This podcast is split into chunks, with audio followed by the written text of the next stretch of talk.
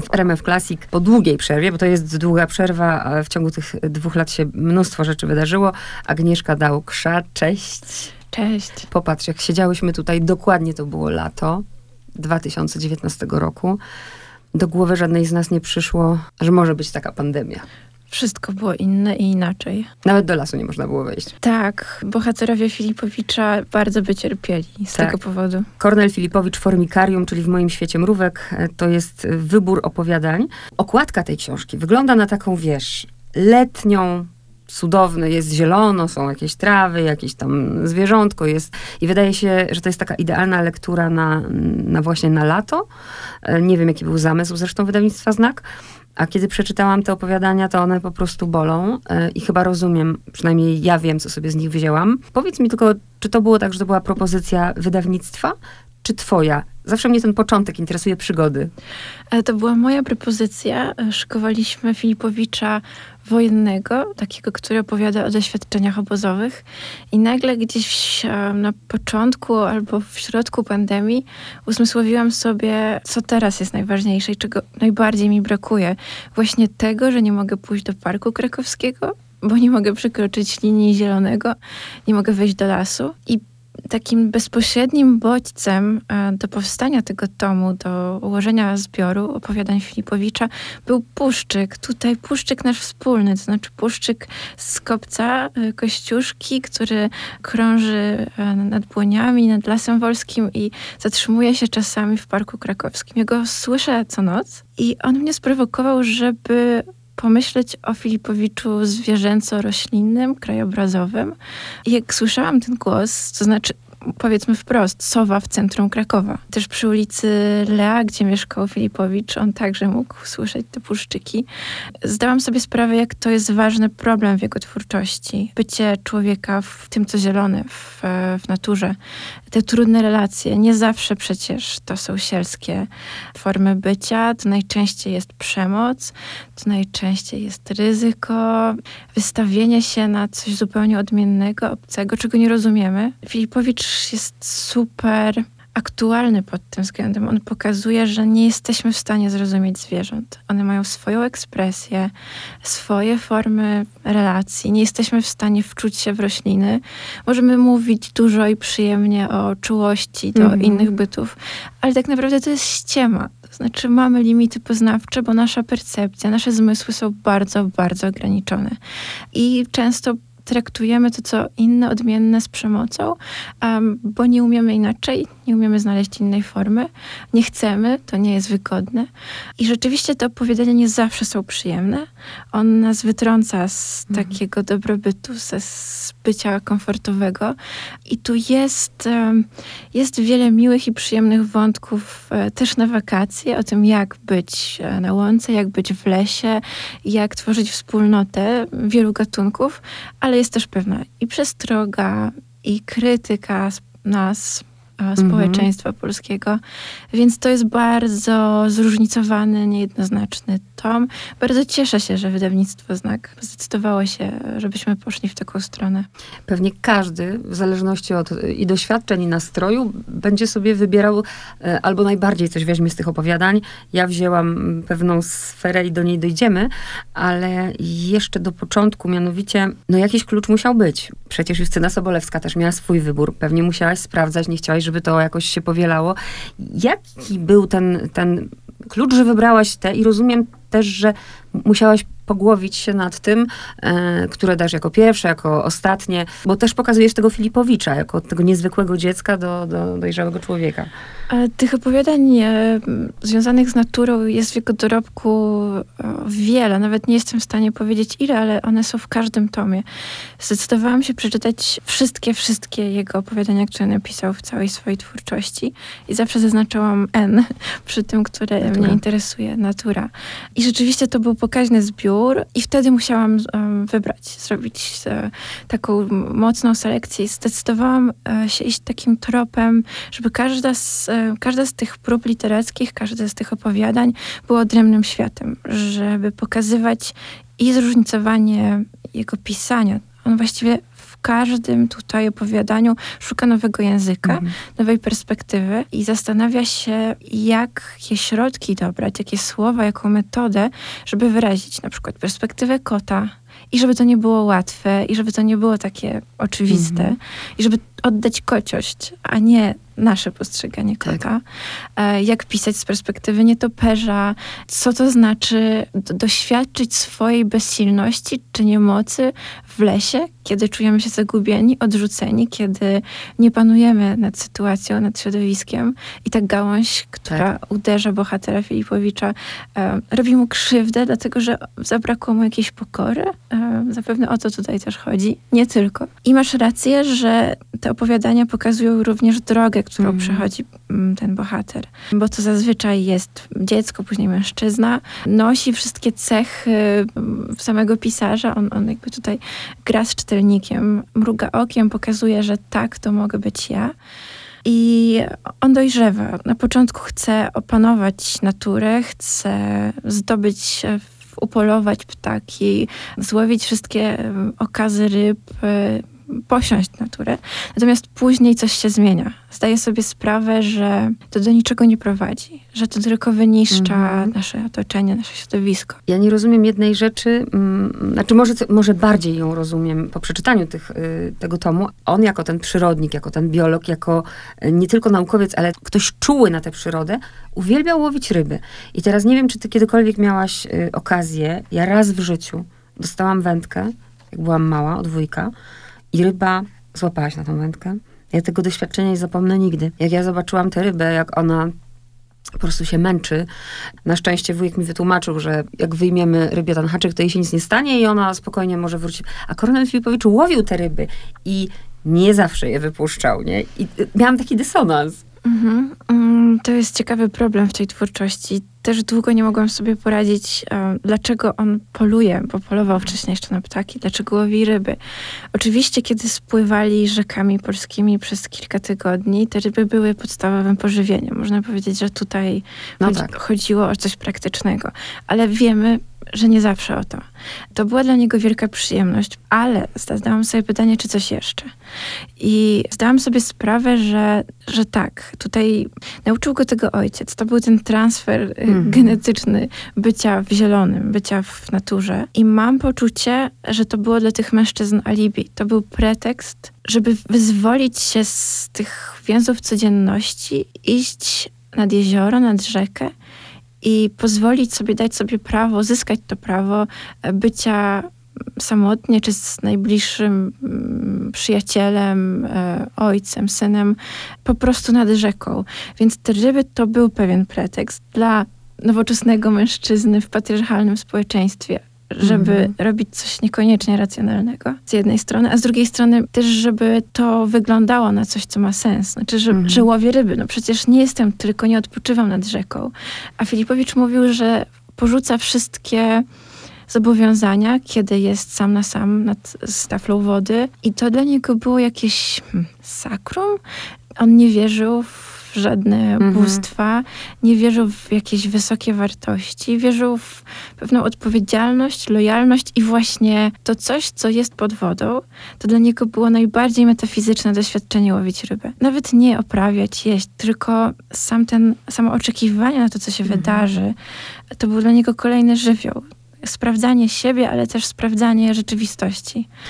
A ja pomyślałam y, o tym, o czym piszesz we wstępie i zadałam sobie pytanie właśnie, że może to jest zbyt, jak, jak to pytanie brzmi, zbyt ludzkie, prawda? Że ja na przykład to zwierzę traktuję właśnie jak ta bohaterka tego swojego ukochanego pieska. I ja pomyślałam o tym porządku, nawet o tym ojcu, który wąchał tę miętę, że, że oni się może nawet nie zastanawiali, bo tak po prostu było. Tak, na pewno. Rodzaj no, takich norm społecznych, w których funkcjonowali, to po pierwsze, ale po drugie Filipowicz zaczął patrzeć w oczy rybom i powiedział też, że po wojnie, po tym doświadczeniu obozów koncentracyjnych, odkąd strzelano do niego, on mhm. już nie strzela do zwierząt. I widać było, że mm, że traktuje coraz bardziej podmiotowo tak. Mm, drugą stronę, stronę zwierzęcą e, i patrzy rybom w oczy i już coraz trudniej jest zabijać. I rzeczywiście coraz częściej wypuszczał te ryby i też taka dotykalność kontaktu z nimi była istotna. To, to było bardzo zmysłowe e, połączenie, ale był w stanie odstąpić i wypuścić e,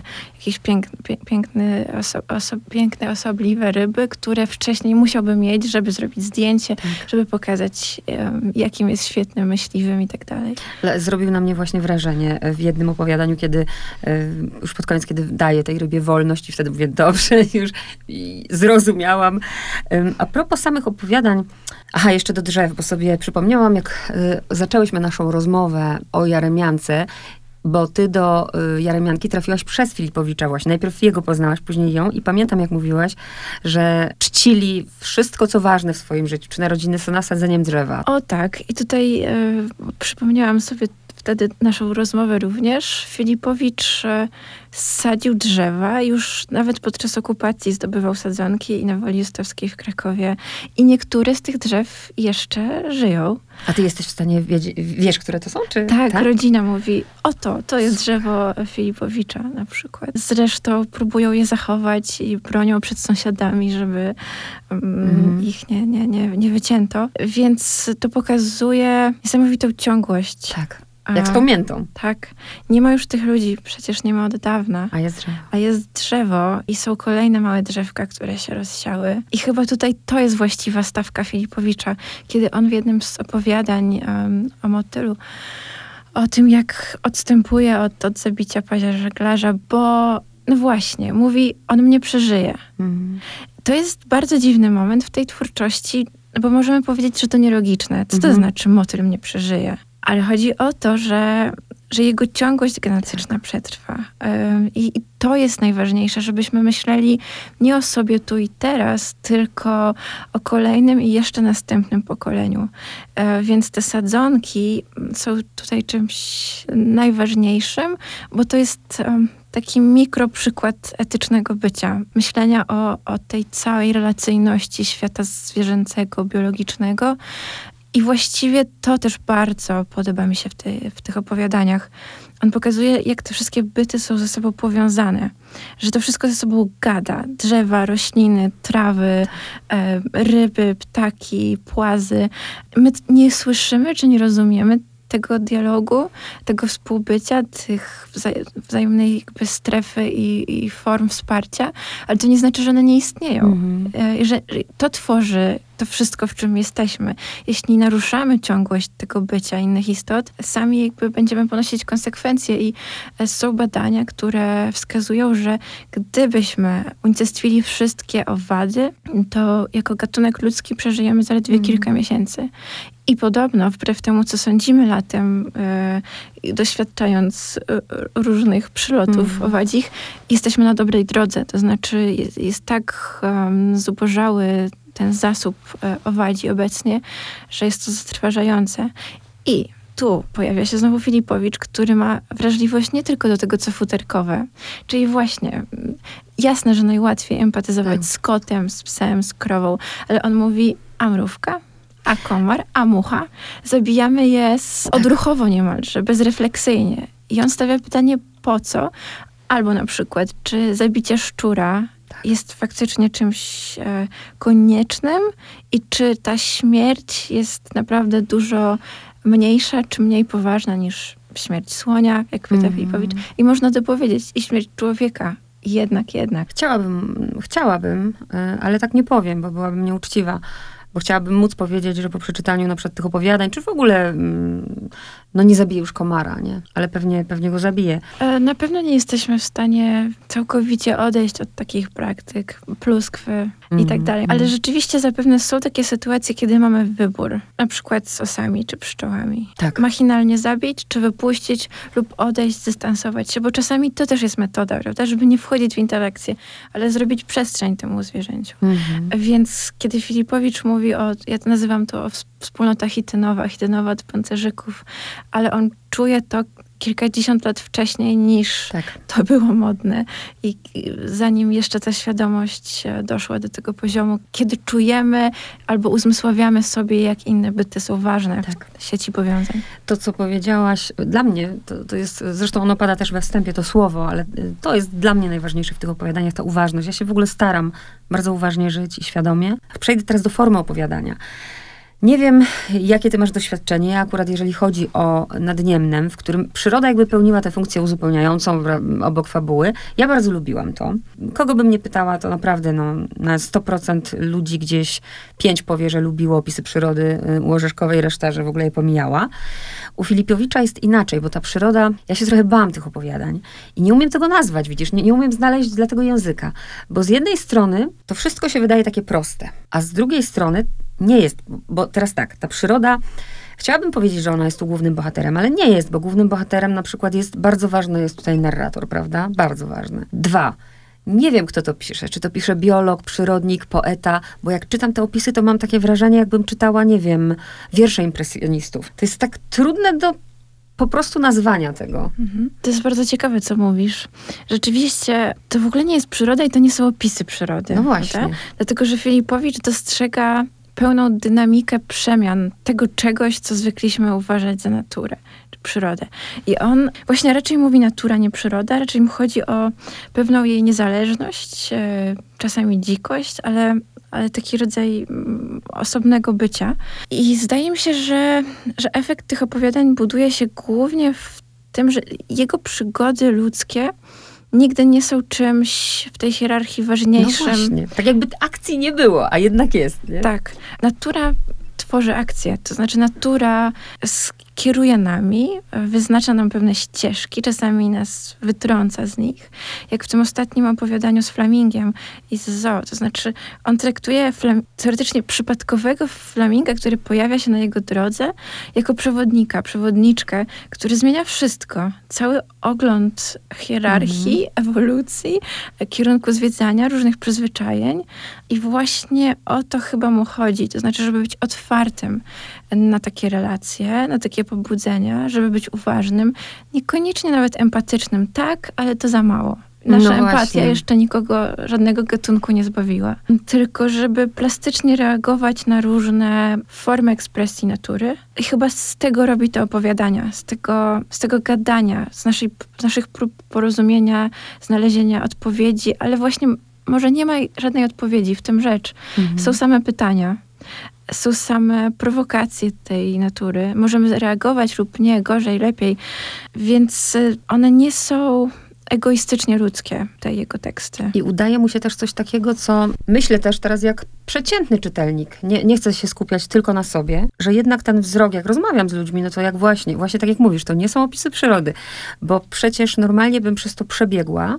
Zresztą tu Wajrak pisze na końcu, że opowiadania to są krótkie teksty, które czyta się bardzo szybko, a tu tak nie miałem. I ja też tak nie miałam. To było coś niesamowitego. Ja się zatrzymywałam i to mnie jakby tak wsysało i wciągało, że tak jakbym, wiesz, znalazła się w środku i była z tym kotem i obserwowała go z bliska. To też się Filipowiczowi udaje, to znaczy wskazać choćby delikatny sposób na inną logikę -hmm. bycia, inną czasowość bycia, inny tak. rytm, e, że nasz, nasze tempo nie jest tempem naszego otoczenia, nie jest tempem innych gatunków. Tak. E, nasz rytm jest wydumany, jest czymś, co chcemy realizować, żeby kumulować dobra, potęgować efekt naszej sprawczości, ale nie możemy zmusić innych, żeby byli w tym samym systemie odniesień. Wydaje nam się, że to robimy i wszystkie te cyrki, zoo i inne formy e, opresji, na przykład wobec zwierząt, są tego przejawem, ale to nie znaczy, że opanowaliśmy naturę. Ona mm. i tak daje inną odpowiedź. Co było w opowiadaniu Gałąź chociażby, nie? Tak, tak. Właśnie. I jeszcze, jak mówiłaś o tym, o tej wojnie na początku, że szykowałaś te opowiadania pod kątem właśnie wojny, to w tym tyle jest ta wojna cały czas. Jest chyba jedno z najistotniejszych wydarzeń w, mm. w jego życiu, najbardziej bolesne, dziwne, właśnie wytrącające, ale też zmieniające postrzeganie mm, wszelkich relacji. To znaczy w systemie obozów koncentracyjnych, mm. gdzie nie można było mówić o, o żadnej prywatności, intymności i było się zmuszonym do bycia przemocowego wobec tak. innych. On uczy się na nowo orientować wobec innych istot, ludzkich i nieludzkich. I to widać i w jego korespondencji powojennej, i w jego opowiadaniach, i, i w tym, jak, jak, jak mm, pisze się o, o, o tym, jak reagował. Coś tu się pozmieniało. On, on był człowiekiem, który zwątpił, ale też był człowiekiem, który otworzył się właśnie na, na ten głos inności. Dopuścił inne byty do, do pełnoprawnego głosu. To jest bardzo ciekawe, bo to się wiąże u niego też z procesem starzenia, ale on się staje coraz ciekawszym pisarzem mhm. i coraz ciekawszym człowiekiem i mężczyzną, kiedy wygasza, czy może wygasza pewne popędy i przez to patrzy uważniej, patrzy szerzej, um, słucha. I te opowiadania zaczynają się tak skrzyć różnymi zaciekawieniami, odniesieniami. Coś tutaj się wydarza, one są, one są przepełnione mhm. taką różnogłosowością. I, I, wydaje mi się, że, że on musiał sięgnąć limitów, musiał doświadczyć czegoś tak strasznego, żeby tak bardzo z jednej strony znieczulić się na własny egotyzm, a z drugiej strony e, uwrażliwić na to wszystko, co wokół.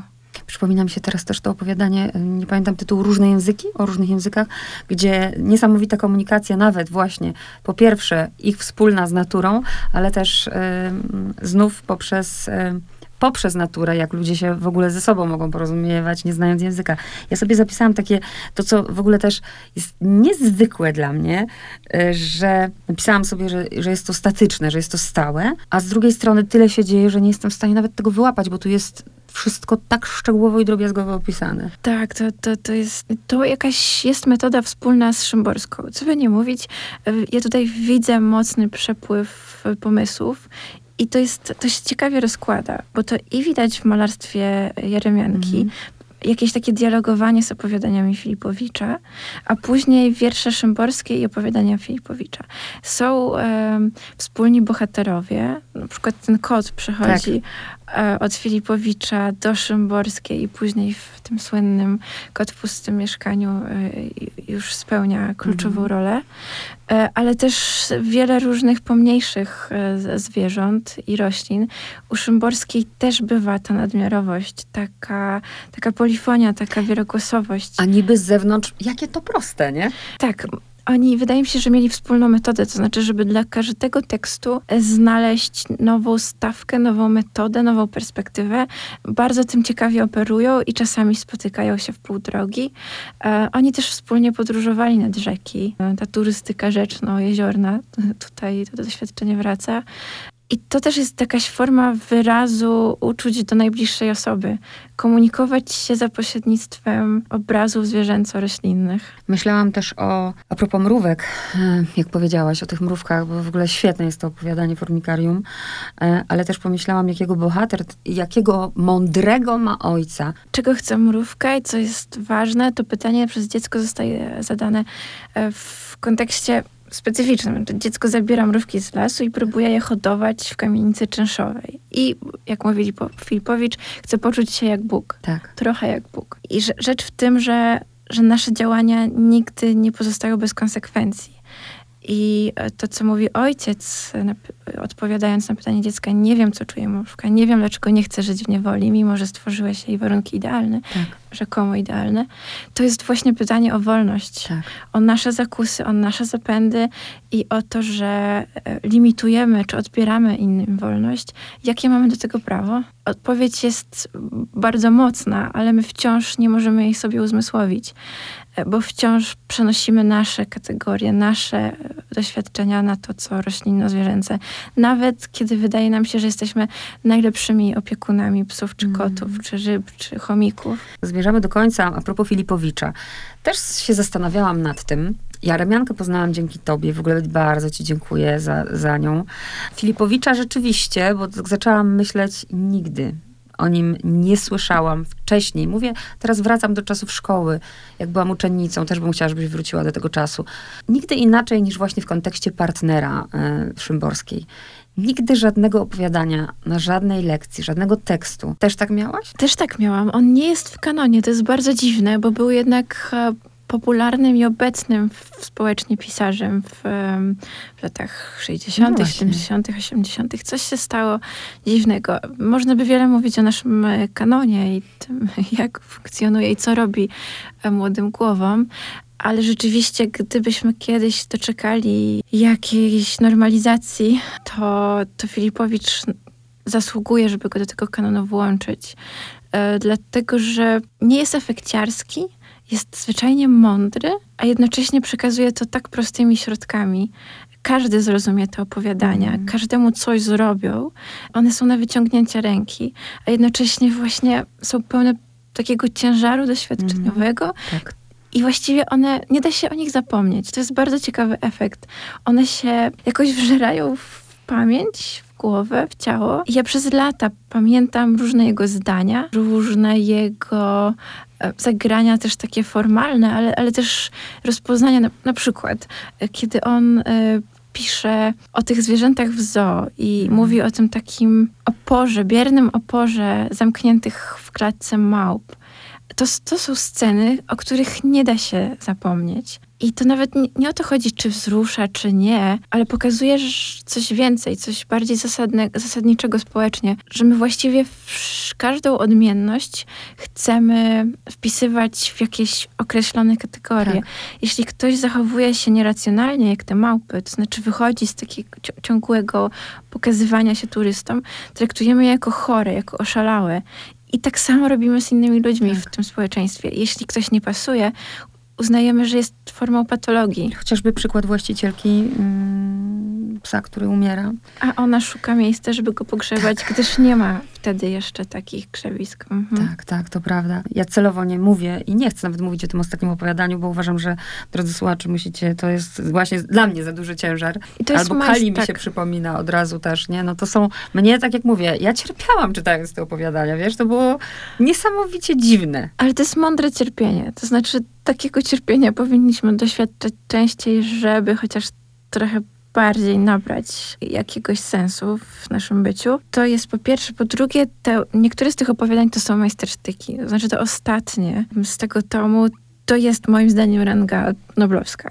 Na, naprawdę wielki talent, e, wielka oszczędność wyrazu, a jednocześnie taka tak. dobitność. Właściwie tam nie ma ani jednego zbędnego słowa. Czy dotarłaś, no bo różne rzeczy też o nim czytałaś i jego e, dotarłaś do takich momentów, w których on pisze o tym, jak pisze?